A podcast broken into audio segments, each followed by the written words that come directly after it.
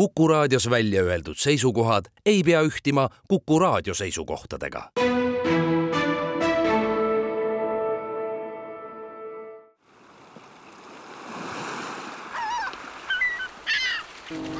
meretund.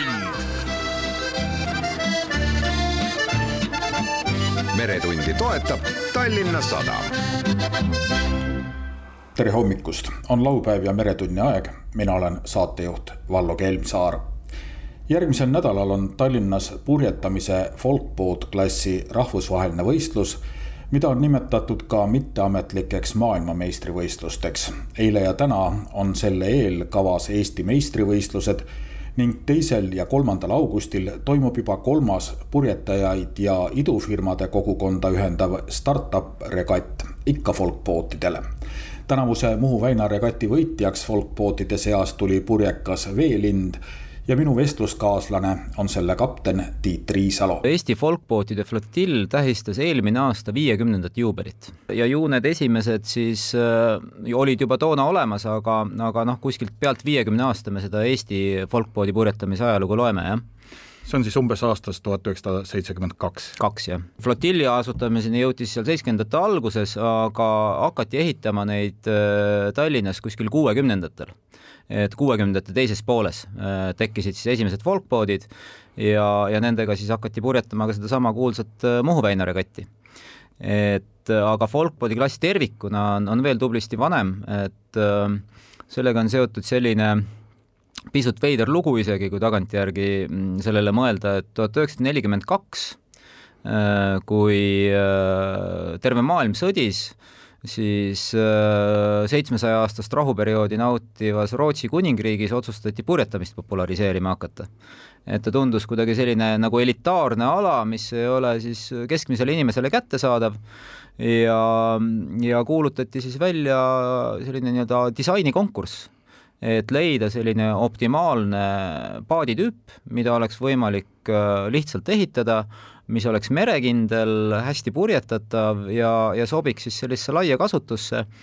ja selle konkursi käigus süldi, sündiski siis äh, jahiklass Nordic Folkboat või siis eesti keeles äh, lihtsamalt Folkboat ja see klass on siis nüüd kaheksakümmend pluss aastat vastu pidanud äh, ja mitte ainult Eestis ei purjetata sellega, vaid, äh, vaid äh, palju laiemalt maailmas, et hinnatakse, et see on kõige rohkem toodetud jahitüüp üldse maailmas, et neid on kokku ajaloo jooksul tehtud üle nelja tuhande. See on päris märkimisväärne number ja minu meelest on märkimisväärne ka see, et kui me mõtleme jahiklassidele, millega võisteldakse, siis ega vist nii vana klassi teist väga ei olegi tead, ma nii hea asjatundja purjetamise ajaloos ei ole, aga ma usun, et on ka vanemaid klasse, et, et millega veel võisteldakse. no hai, hai on näiteks. just, üks ja noh, tõenäoliselt ka draakoni disain on pärit äh, üsna, üsna sealt kandist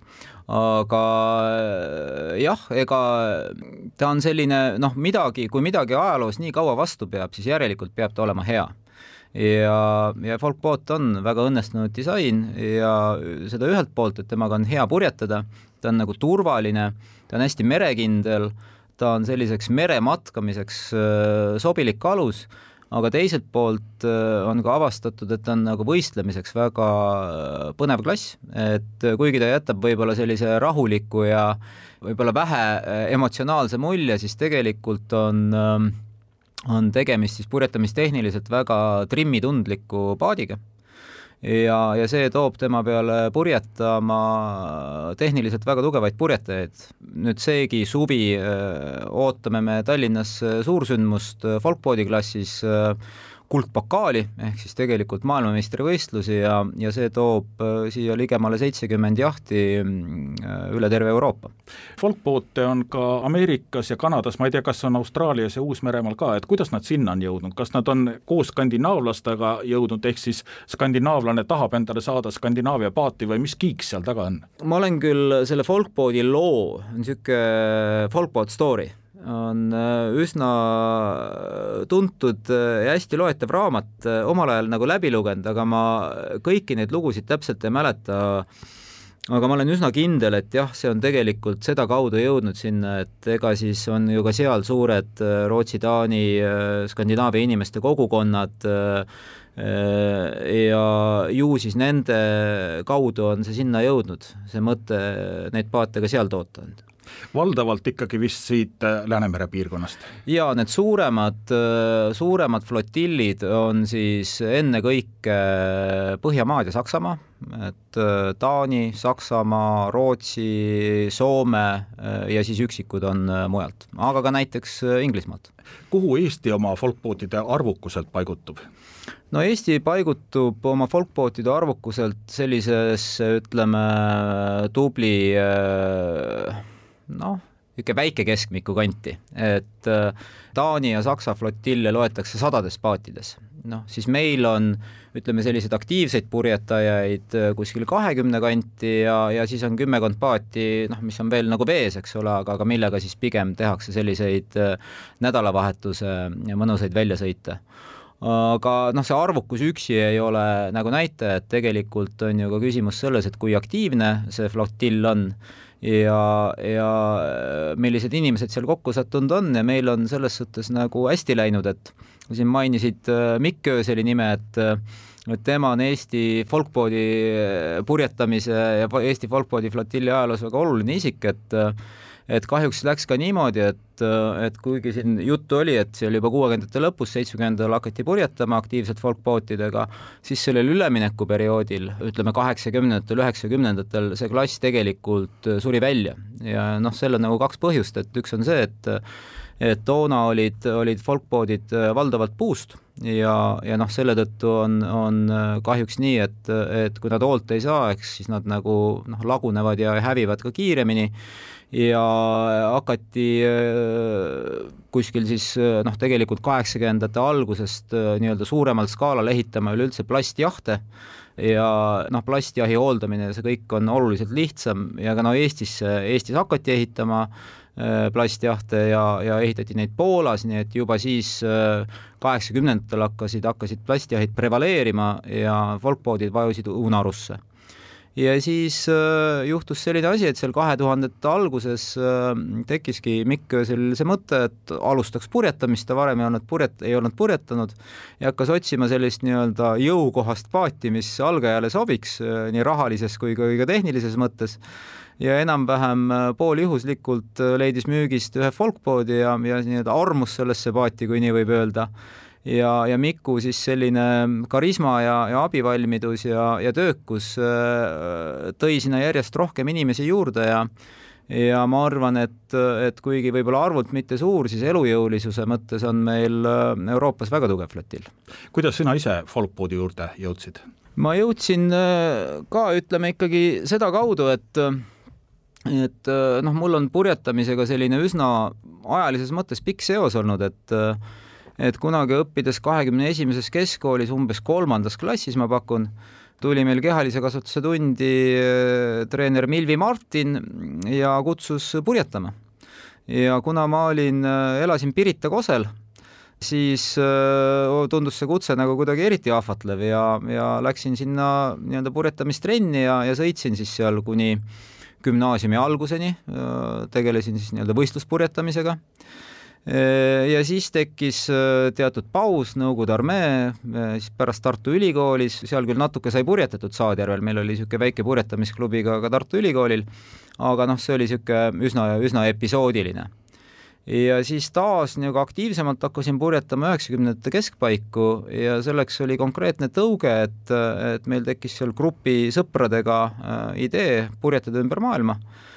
mis ka lõpuks realiseerus jahtlaevaga lennuk ja see oli siis niisugune hästi intensiivne purjetamisperiood, et, et lennukireis teadupärast oli üheksakümmend üheksa kuni kaks tuhat üks, aga noh, üheksakümmend kuus me hakkasime juba ette valmistama ja ja siis me saime seal, seal selle nii-öelda meeskonna tuumiku oluliste liikmetega aru, et ega me tegelikult sellest avamere purjetamisest suurt midagi ei tea, et kapten Mart Saarsoo küll oli pädev, aga aga me vajasime kiiret nagu, nagu sellist äh, juurdeõppimist ja siis sai soetatud esimene veerandtonnine ja sellega sõitma hakatud Muhu väinades ja ja muudel regattidel aga siis kestiski selline, pluss siis see lennukireis sinna otsa, et üks viis-kuus aastat sellist väga aktiivset äh, merel olekut ja peale sealt pikast reisist tulekut, noh, elu tegi omad korrektiivid ka, et oli vaja tööle hakata ja, ja, ja elu uuesti nagu mõnes mõttes sisse sättida ja siis see purjetamine jäi nagu tagaplaanile ja noh, kuna neid meremiile oli, ütleme, kogunenud ka omajagu, siis niisugust nälga nagu esialgu otseselt ei olnud, aga ka mida aasta edasi, kes kuulus tegelane oli, vist Sipsik ütles, et merekutse on võimas. Et ei pidanud mina ka sellele vastu ja hakkasin mõtlema, et, et kuidas siis nagu see comeback teha ja, ja eks ma seal äh, Pirital ikka ringi jalutasin ja ja siis märkasin ka seda, et folkbootidega on nagu toimetama hakatud ja, ja mulle see disain nagu meeldis ja sain nende inimestega tuttavaks ja kes seal toona folkboodi purjetajad olid ja see tundus väga tore, sõbralik, ühtehoidev seltskond ja, ja nii saigi siis ringi vaatama hakatud, et, et kust endalegi folkboodi saaks kus see siis leidus? see leidus Rootsist, et, et mul on äh, jaht, millega ma praegu sõidan, kannab nime Veelind ja temaga ma olen nüüd purjetanud äh, kaks aastat või kaks pool. aga enne seda oli mul siis folkboot Lind ja tema oli puidust. Ja, ja veelind on siis plastist? veelind on plastist, jah ja siis ma andsin viis aastat oma panuse, et seda puitjahti lind äh, nii-öelda väärikalt äh, vananeda aidata, et, äh, et eks ma leidsin ta ka juhuslikult lihtsalt internetis nendel noh, nii-öelda paadimüügi paadimüügisaitidel ringi vaadates ja, ja noh, kohe, kui ma neid fotosid nägin, siis äh, enne kui ma olin nagu füüsiliselt saanud vaatama minna, oli mul tunne, et see on see. Ja, ja nii oligi. Ja tegemist oli siis, kus see nimi Lind tuli, oli sellest, et äh, selle paadi ehitaja oli siis paadi ehitusmeister oli Torkild Lind. Ja kuni, kuni siis seitsmekümnendate lõpuni ehitati folkboot ainult puidust ja teda peeti siis äh, maailma parimaks äh, folkboodi ehitajaks, et äh, nagu niisugune folkbootide Stradivarius. ja siis viis aastat purjetasime selle linnuga, puulinnuga ka päris, päris edukalt aga siis mingil hetkel sa ikkagi, ma sain aru, et, et see puupaadi eest hoolitsemine on nii suur vastutus ja nõuab nii palju aega, et et et äh, ütlen ausalt, ei jaksanud lihtsalt rohkem ja siis leidsin uue hea omaniku Saksamaalt ja ja, ja otsisin endale nagu siis natuke hooldusvabama plastpaadi asemele. aga lind sõidab Saksamaal praegu edasi? jaa, just hiljuti avastasin, et temast on saanud Saksamaa folkbootide flotilli veebisaidi kaanetüdruk. räägime natukene nendest erinevustest, et plastpaat vajab küll vähem hooldust, puitpaat või puupaat on selline ütleme, soliidsem võib-olla mõnes mõttes mm, -hmm. aga võistlustel on need ju ühes klassis. jah, nad on ja, ja noh, siin äh, praegu on Muhu väinas äh, selline kaunis traditsioon juba mõnda aega, et nii-öelda auhinna saab igal etapil ja kokkuvõttes ka parim puupaat.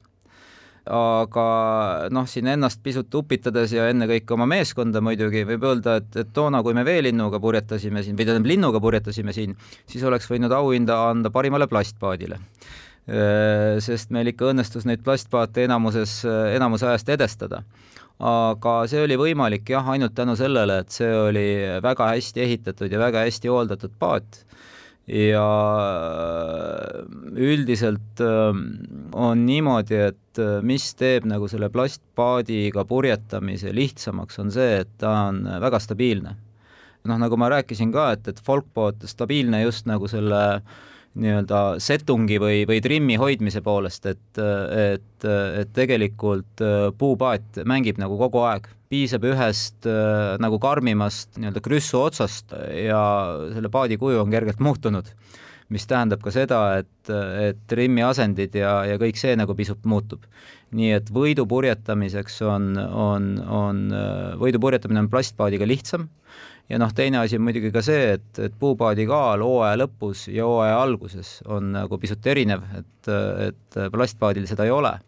nii et äh, tegelikult jah, see plastpaat annab nagu konkurentsieelise, et kui rääkida sellest kuldpokaalist, mis meile siia kodulahe peale varsti tuleb, siis äh, siis seal ütleme niimoodi esikahekümnes äh, puupaat kohtab nagu haruharva. Here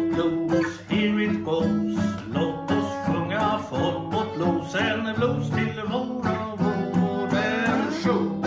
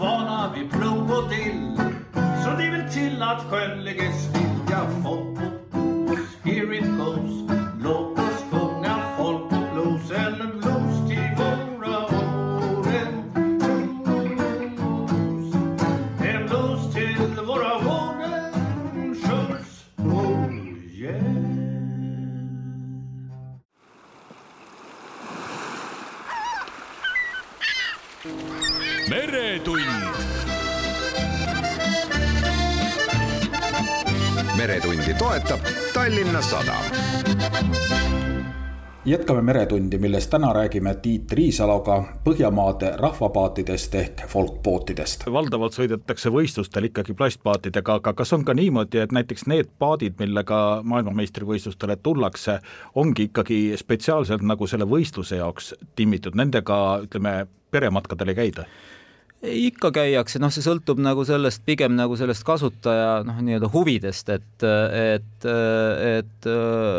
loomulikult on nagu niisugune täisvarustuses matkaalus nagu midagi erinevat pisut, aga noh, see vahe ei ole nagu nii suur, et, et mulle meeldib ka matkata ja, ja noh, tavaliselt kui vähegi aega on, oleme me Muhu väina starti ja siis jälle koju tagasi, eks ole, võtnud rahulikumalt ja külastanud vahvaid Eesti väikesadamaid, mis on siin iga aastaga arenevad järjest, järjest kenamaks. et, et seal on nagu väga väiksed muudatused, et noh, võit-, võistlustel sul ütleme,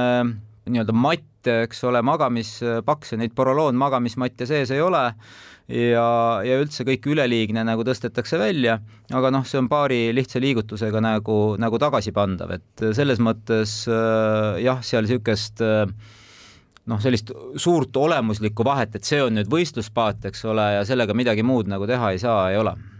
aga erinevalt ORC-st ikkagi need folkboodid on kõik nii-öelda võrdsed, et seal ei ole mingit koefitsiendi arvestust? ei ole jah, ta on, ta on monotüüp, et ja see teeb ka folkboodiga purjetamise väga põnevaks, olemuslikult on, on nagu valemi purjetamine ja paat paadi vastu purjetamine natuke teistsugused asjad, et võib-olla noh, raadiokuulajale pisut taustaks, et et see vahe on siis selles, et, et folkboodid on kõik täpselt ühesugust noh, loomulikult on seal väiksed nüansivahed, eks ole, aga, aga see ei, see ei oma olemuslikku tähendust. siis nii-öelda nendes valemiklassides praegu on siis domineeriv valem on, on ORC see on siis loodud selle jaoks, et jahitootjaid on palju ja seal on neid nüansi erinevusi on noh, alates pikkustest, taglaste, kõrgustest, purje suurudest, purje komplektist, kaalust, meeskonna kaalust, see kõik võetakse arvesse ja üritatakse siis tekitada selline valem, et mis need vahed nagu ära taandaks ja see tähendab seda, et kui sa stardid ühes grupis, siis ühes grupis on noh, küll võimalikult sarnased, aga siiski erinevad jahid, et siis sa tegelikult võistled ajaga, sest see, kes on ees, ei selgu mitte finišiliinil, vaid siis, kui kõik on lõpetanud, siis pannakse see lõppaeg sellesse valemisse ja siis võib selguda, et noh, et see, kes oli viies nagu füüsiliselt on noh, tegelikult esimene, sest see vahe, eks ole, esimesena finišeerinuga oli piisavalt väike. No vot niisugust keerukust kõike folkbootide või üldse monotüüpide puhul, nagu näiteks Draak on ka Eestis väga-väga tugev klassijärjest jõudu koguv äh,, ei ole, et, et võisteldakse paat paadi vastu, kes on ees, see on ees ja see teeb ka taktikaliselt purjetamise teistsuguseks natukene kas äh, ühte folkbooti silmaga vaadates saab nagu teisest paremaks ehk siis kiiremaks pidada? silmaga vaadates, no jah, kui sul on kogenud silm, siis ikka sa midagi näed selle juures, et noh, kui mina vaatan, ütleme mingi internetisaidi peal, näiteks jälgime ka praegu neid müügikuulutusi, et me vaikselt teeme nagu sellist propagandat ka, et flotilli suurendada ja kui kuskil on, on mõni kena paat müügis, siis üritame seda oma Facebooki ja sotsiaalmeediakanalites ikka jagada ja ja kutsun ka siin üles neid inimesi, kel on, kel on huvi nagu purjetamisega alustada, et folkboot suurepärane klass selleks, äh, oleme nõu ja jõuga täitsa siiralt abiks. aga noh, jõudes selle küsimuse juurde tagasi, siis äh, siis äh, noh, neid fotosid vaadates sa saad nagu ütleme selle juba noh, nagu, nagu ma ei tea, otsteasetuse järgi seal tekil aru, et kas selle paadiga on võidu sõidetud või sellega ei ole võidu sõidetud, et noh, kui nagu ära optimeeritud ta on ja noh, on reeglina need paadid, millega, millega nagu tipptasemel üritatakse nagu võidu sõita, noh, ka nende, sa tead, et, et jällegi noh, me läheme siin nagu detaili ära, aga et olgugi, et tegemist on noh, ühest vormist tulnud jahtidega, eks ole, siis ehituskvaliteet ikkagi nagu mõnevõrra e erineb. Ja, ja sellised noh, seal on, seal tulevad mängu kerejäikus ja, ja kas ta on, folkboot peab kaaluma tuhat üheksasada kolmkümmend kilo ta ei tohi nagu, nagu alla selle kaaluda, üle võib kaaluda. noh, siis on küsimus, et kui täpselt ta nagu sinna kaalu on ehitatud ja ja, ja noh, reeglina kui sa näed nagu seda, seda paati kas sadamas või kas või fotode pealt, siis saad aru, et et kui see on nagu niisugune hästi sätitud äh, võistluspaat, siis ta tõenäoliselt on hea. kui palju on see paadivarustus muutunud, kui me vaatame siin lahe peal kas või neid eh, kolmapäevavõistlusi, mida Kalevi Jahtklubi korraldab, siis seal on suur osa nendest suurematest jahtidest on kõik kellarpurjedega, aga kas selline tehnoloogiline areng on ka folkbootidele jõudnud? see teebki selle klassi demokraatlikuks, et, et klassi määrus on üsna jäik, eh, mis on nagu väga tore. Eh, folkboodi puhul moodsaid materjale ei kasutata, on noh, siiski on takronpuljeid, mitte, mitte lapsaanist, aga see omakorda teeb selle jahi äh, pidamise taskukohaseks. et noh, veel kord selle nii-öelda propaganda poole juurde tagasi tulles, et et noh, nagu siin juttu oli, et folkboat on üsna selline juba vana, aga, aga mõnes mõttes nagu eatu klass, et, et, et tõepoolest, kui sa teda vaatad, siis silm puhkab, ta on selline klassikaline, nii nagu ma kujutan ette, inimene ette kujutab ühte väikest purjejahti, vot selline ta täpselt välja näebki, ideaalsete proportsioonidega. Äh,, hästi, hästi purjetatav. Ja, ja teiselt poolt äh, on ta noh, need kasutatud paatide hinnad, ütleme, on seal päris, päris igat ei maksa nagu osta, aga, aga hea kvaliteediga paadi saab umbes kümne tuhande euro eest. Natuke tõenäoliselt on seal vaja kõpitseda siit ja sealt, võib-olla uued purjed osta, aga, aga noh, ütleme kamba peale viieteist tuhande euroga saab nagu hakkama ja sul on paat, millega sa saad, oled võimeline võidu sõitma kõrgel tasemel. et noh, meeskond on kolmeliikmeline, see nagu kolme peale ära jagada, eks ole, ei ole liiga suur summa selle tõttu ongi nagu ühelt poolt on nagu hea sisenemiseks, aga teiselt poolt noh, sul ei kao nagu see perspektiiv ära, et vaata, kui sa oled nagu algaja fotograaf, sa ostad endale ühe aparaadi, siis saad aru, et äh, pagan, et see mul ikka neid funktsioone siin ei ole, mida ma tahan saada, sa arened ja siis ostad järgmise ja järgmise. aga mina olen täiesti kindel, et, et äh, mina sõidan selle paadiga nii kaua, kui, kui merele mineku tahtmist veel on.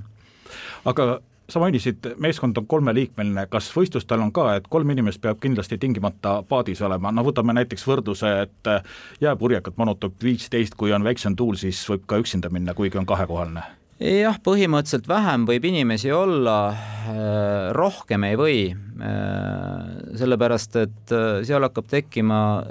just tugeva tuulega see eelis sellisel juhul, et, et just nii-öelda vastutuule või krüssu otsa, krüssuotstel on, on hea, kui sa kallutad paadi võimalikult maha, et siis seda külglibisemist on nagu nii-öelda vähem või, või nii-öelda tuulega kaasaminekut et ja selle tõttu jah, on, on äh, klassimäärus näeb ette, et sa sinna lihtsalt nagu neljandat inimest juurde võtta ei või, eks ole, et saada nagu niisugust konkurentsieelist, aga seal on üks erand, seda võib teha, kui meeskonna kogukaal on alla kahesaja kilo. Et noh, ütleme, et, et meilgi on siin, tuleb noori peale ja, ja ka, ka tütarlapsi, kes on, kes on üsna kergekaalulised, siis neil on võimalus, et jällegi siis püsida nagu konkurentsis, et, et endale tegelikult neljas riige nagu, nagu tugeva ilmaga peale võtta, jah. veelinnu meeskond on stabiilne? veelinnu meeskond on stabiilne, jah. ja te olete juba aastaid sama. kokku ja, harjutanud ja. just kuidas sa võrdleksid näiteks, kas sulle meeldib rohkem lühirada sõita või äh, pikki otsi nagu Muhu väinal, sest maailmameistrivõistlustel on vist kõik lühi, lühirajad? jah, kuigi ta ei ole nii hirmus lühike rada, et, et äh, ta ideaalis on, on kaks ja pool miili, on see esimene vastutuule ots ja see on tegelikult piisavalt pikk ja seda sõidetakse siis äh, sõltuvalt tuulest kas kaks või kolm ringi nii et tegelikult see üks võistlussõit on, on päris pikk, seal on aega nagu, ta ei ole nagu päris, eraldi on veel lühirajavõistlused, kus see esimene vastutuule ots on siis oluliselt nagu lühem aga aga maailmameistrivõistlustel on kõik etapid ühesugused? kõik täpselt ühesugused. ja noh, loomulikult kui tuul muutub, pannakse rada teistmoodi sisse, eks ole, ja alati peab esimene märk olema vastu tuult ja, ja Tallinna lahes me oleme noh, niisuguse väikse erandi kaubelnud, et teatud tuultega me ei saa üle kahe koma kahe miili panna muidu ideaal on kaks koma viis, meil lihtsalt tuleb nagu äh, Tallinna Sadam siis teiselt poolt või see reisiterminal tuleb vastu ja sealt peavad ka laevad nagu läbi pääsema. aga see on nagu aktsepteeritav et äh, küsimus, et kumb on nagu põnevam, et äh, noh, tegelikult õige on see, et, et mulle personaalselt meeldivad nagu mõlemad, et äh, siin Muhu väinaski on pikki etappe, siis on lühiradasid, et on niisugune hea nagu tasakaal, et on kindlasti inimesi, kellele, kellele see puhas nagu võistluspurjetamine, mis on distantsil, on, on meelepärasem, sest seal on, ütleme niimoodi, et juhusel väiksem roll et äh, siin pikal otsal äh, noh, pahatihti juhtub, eks ole, et tuuled vaikivad, tulevad, kaovad, eks ole, ja siis ta nagu ei ole mitte nii palju ütleme, seal on seda õnnefaktorit nagu rohkem, noh, purjetamine on alati õnnega seotud, aga seal on seda vähem. et aga ma arvan, et, et niisugune mõistlik tore tasakaal on, on nagu hea, et saab sellist nii-öelda pikka klassikalist äh, avamere purjetamist sõita ja samal ka panna ennast nagu tehniliselt ja taktikaliselt proovile lühematel distantsidel aga kui siin maailmameistrivõistlustel on kõik sellised ühesugused distantsid, siis võib eeldada, et see konkurents on seal ikkagi tihe ja kui neid paate, ma ei tea, palju neid arvuliselt tuleb, aga ma pakun, et see suurusjärk on sinna saja kanti isegi, ei, nii, nii palju, nii palju. ei ole, me eeldame kuskil seal noh, seitsmekümne ligi loodetavasti ja ei, see konkurents on ülikarm, et, et noh, vot me siin rääkisime nendest nüanssidest, et, et mis on hea paat ja mis ei ole hea paat, et noh, sellises absoluutskaalas seda vahet tegelikult ei eksisteeri. see vahe eksisteerib mingites nagu protsendikestes, aga kui sul on niimoodi neli, viis, kuuskümmend juba täiesti võrdset alust nagu seal stardiliinil, siis hakkab iga, seal ei võidelda, eks ole, noh, sisuliselt võidel-, võideldakse nagu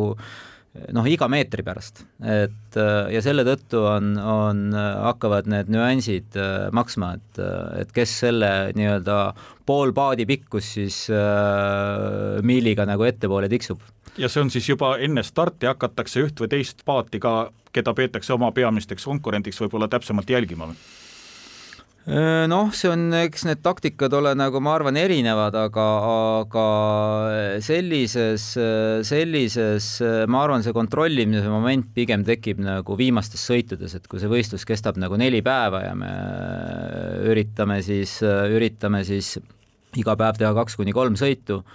Äh, siis ma arvan, et, et seda taktikat, äh, et kuidas sa siis punktiarvestuses lõpuks nagu ees oled, et see tekib seal võib-olla viimastes sõitudes, kui hakatakse üksteist kontrollima, aga ja noh, sellises äh, nii paljude paatidega ei ole see ka väga lihtne. Et ähm, see noh, on nagu eraldi niisugune purjeldam-, purjetamise ala,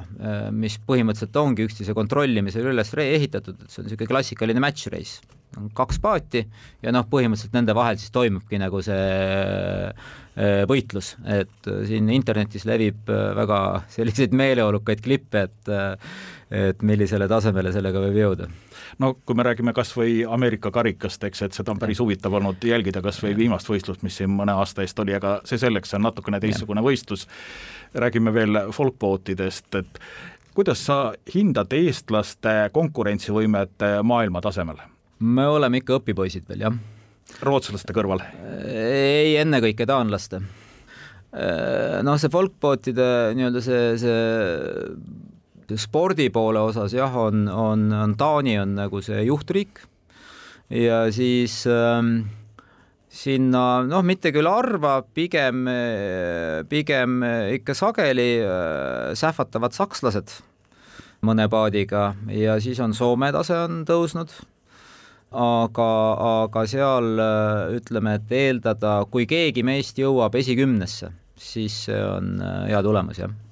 Eesti paadid, kui ma vaatasin Muhu väina regatti, siis seal enam-vähem konkureerisid omavahel Veelind, muinasjutukuningas ja Jonne, just. et kas see ongi niimoodi, et kolm tükki on nagu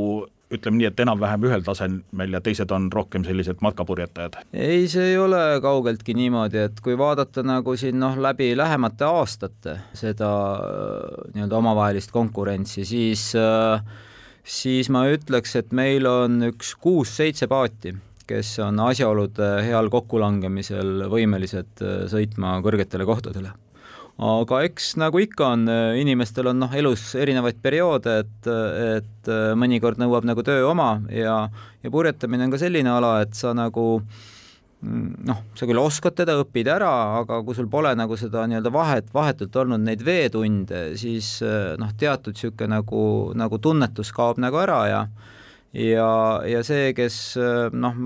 ühel aastal on, on ees, järgmisel ei, ei pruugi enam nii tugev olla, et aga meil jah, nii selgelt nii suuri vahesid, see aasta ta lihtsalt kukkus niimoodi välja, aga, aga selgelt nii suuri vahesid ei ole. We flew like an arrow straight for the pin. We wouldn't let poor Dieter in. Then the header came like a thief in the dark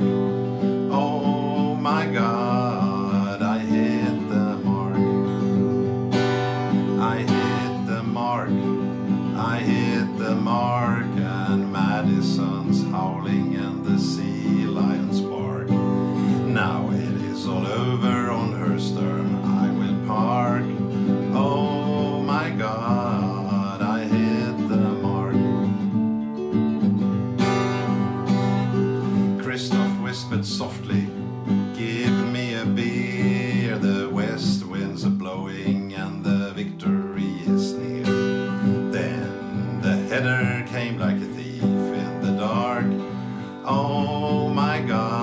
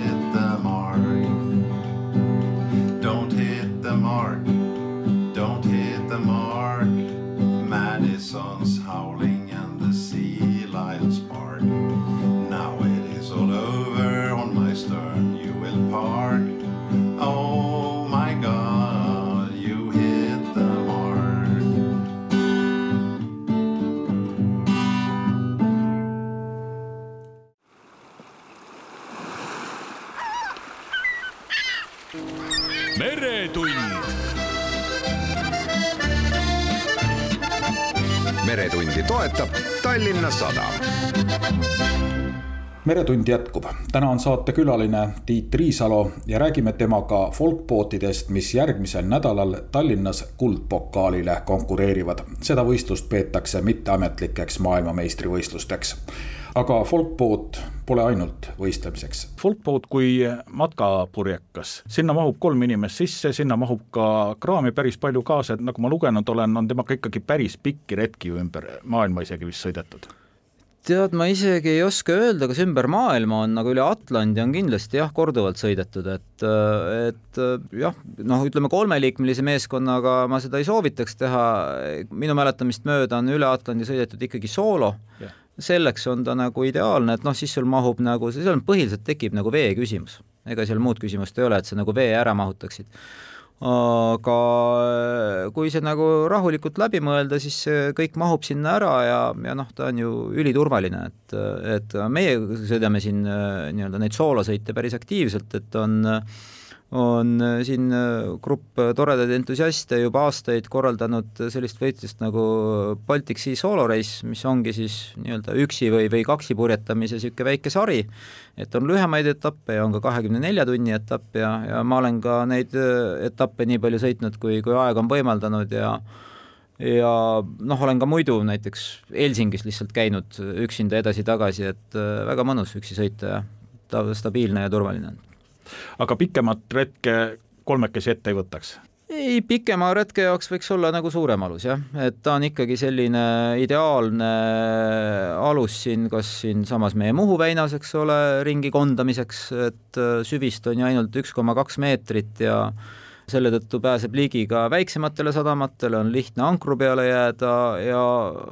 sõita üle lahe Soome, minna seal Saaristomerre, seal võib aastate kaupa konnata niimoodi, et igav ei hakka, aga mina olen küll, kui me ostsin selle, ostsime selle puulinnu, tema toonane kodu oli Üüstaadis, see on siis Rootsi kõige lõunapoolsem linn. Ja sealt me tulime omal käigul ära, nii et ma olen Läänemere ületanud, äh, ei olnud ka probleemi. Äh, aga jah, pigem, pigem pikka reisi läheks nagu, nagu suurema jahiga see üks koma kaks meetrit süvist on ju selle poolest ka võib-olla hea, et kui kuskil midagi liivases põhjas juhtub, siis saad veel ise aidata. jaa, nii ta käib, et, et noh, see ütleme selle kui siin nagu niisugune väike võrdlusmoment tuua, siis miks, miks mulle nagu see Muhu vein ka meeldib, et, et seal on nagu sellist, kui ütleme, see kuldpokaal, mida me siin sõidame või varsti algavad Eesti meistrivõistlused,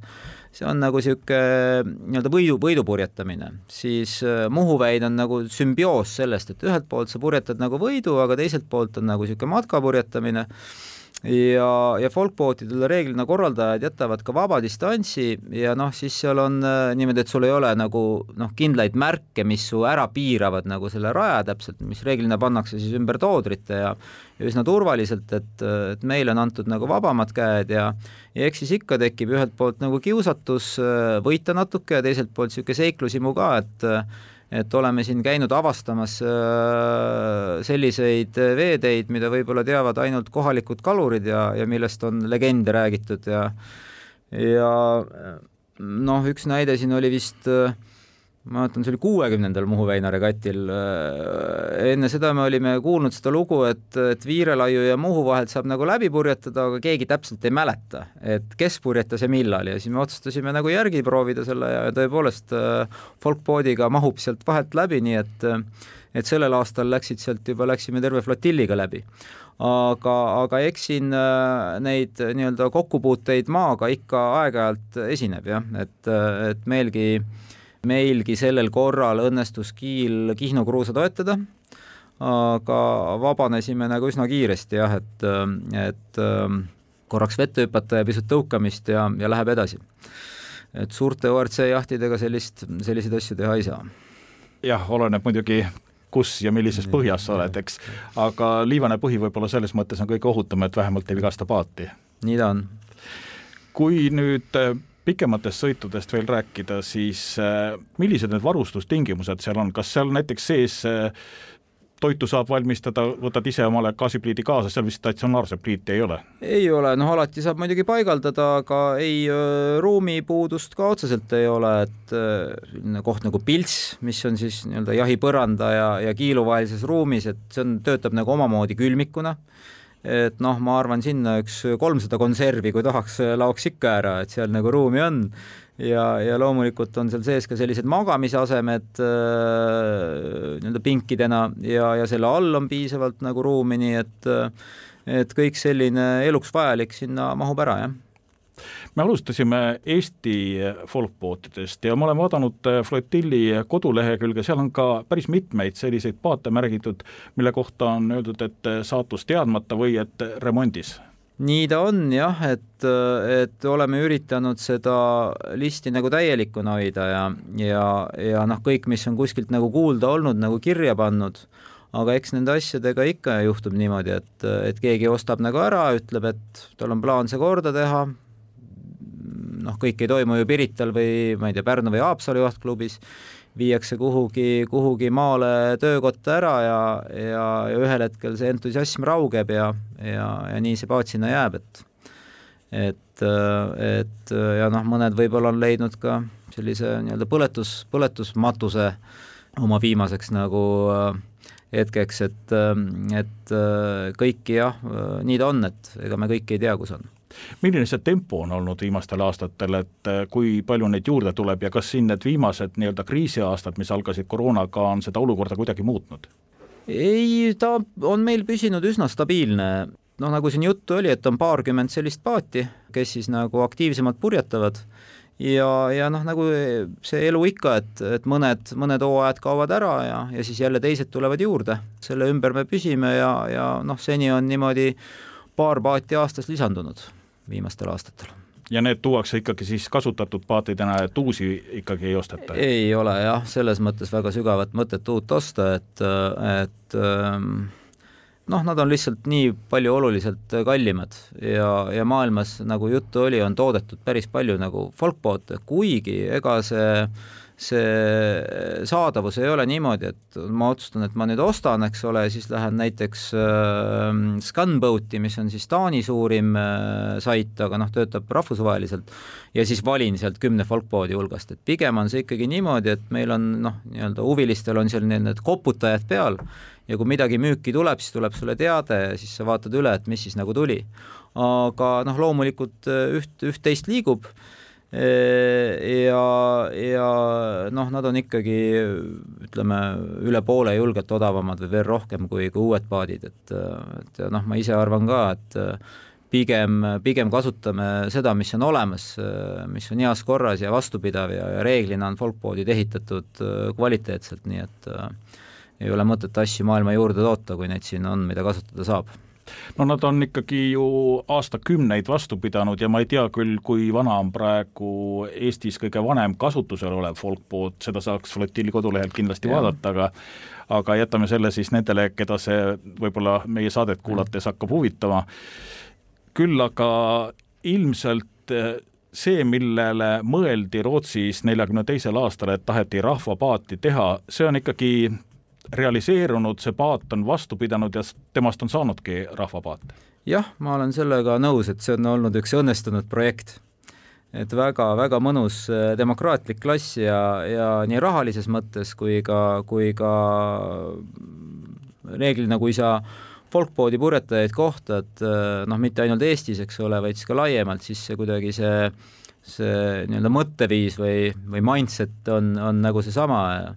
et lihtne on leida nagu ühist keelt ja, ja, ja tutvust sobitada. nii et, et üritame seda vaimu siin Eestis ka üleval hoida ja, ja äh, oleme, oleme sõbralikud, avatud, üksteist toetavad ja alati ootame uusi tulijaid, kedagi kunagi üksi ei jäeta. ja lõpetuseks veel maailmameistrivõistlustest. mainisid, et kui eestlane jõuab kümne hulka, on hea tulemus, mitu Eesti paati osalema läheb? Ma nüüd viimaseid andmeid ei teagi, aga me eeldame, et kuskil viisteist pluss paati on, on Eestist kohal.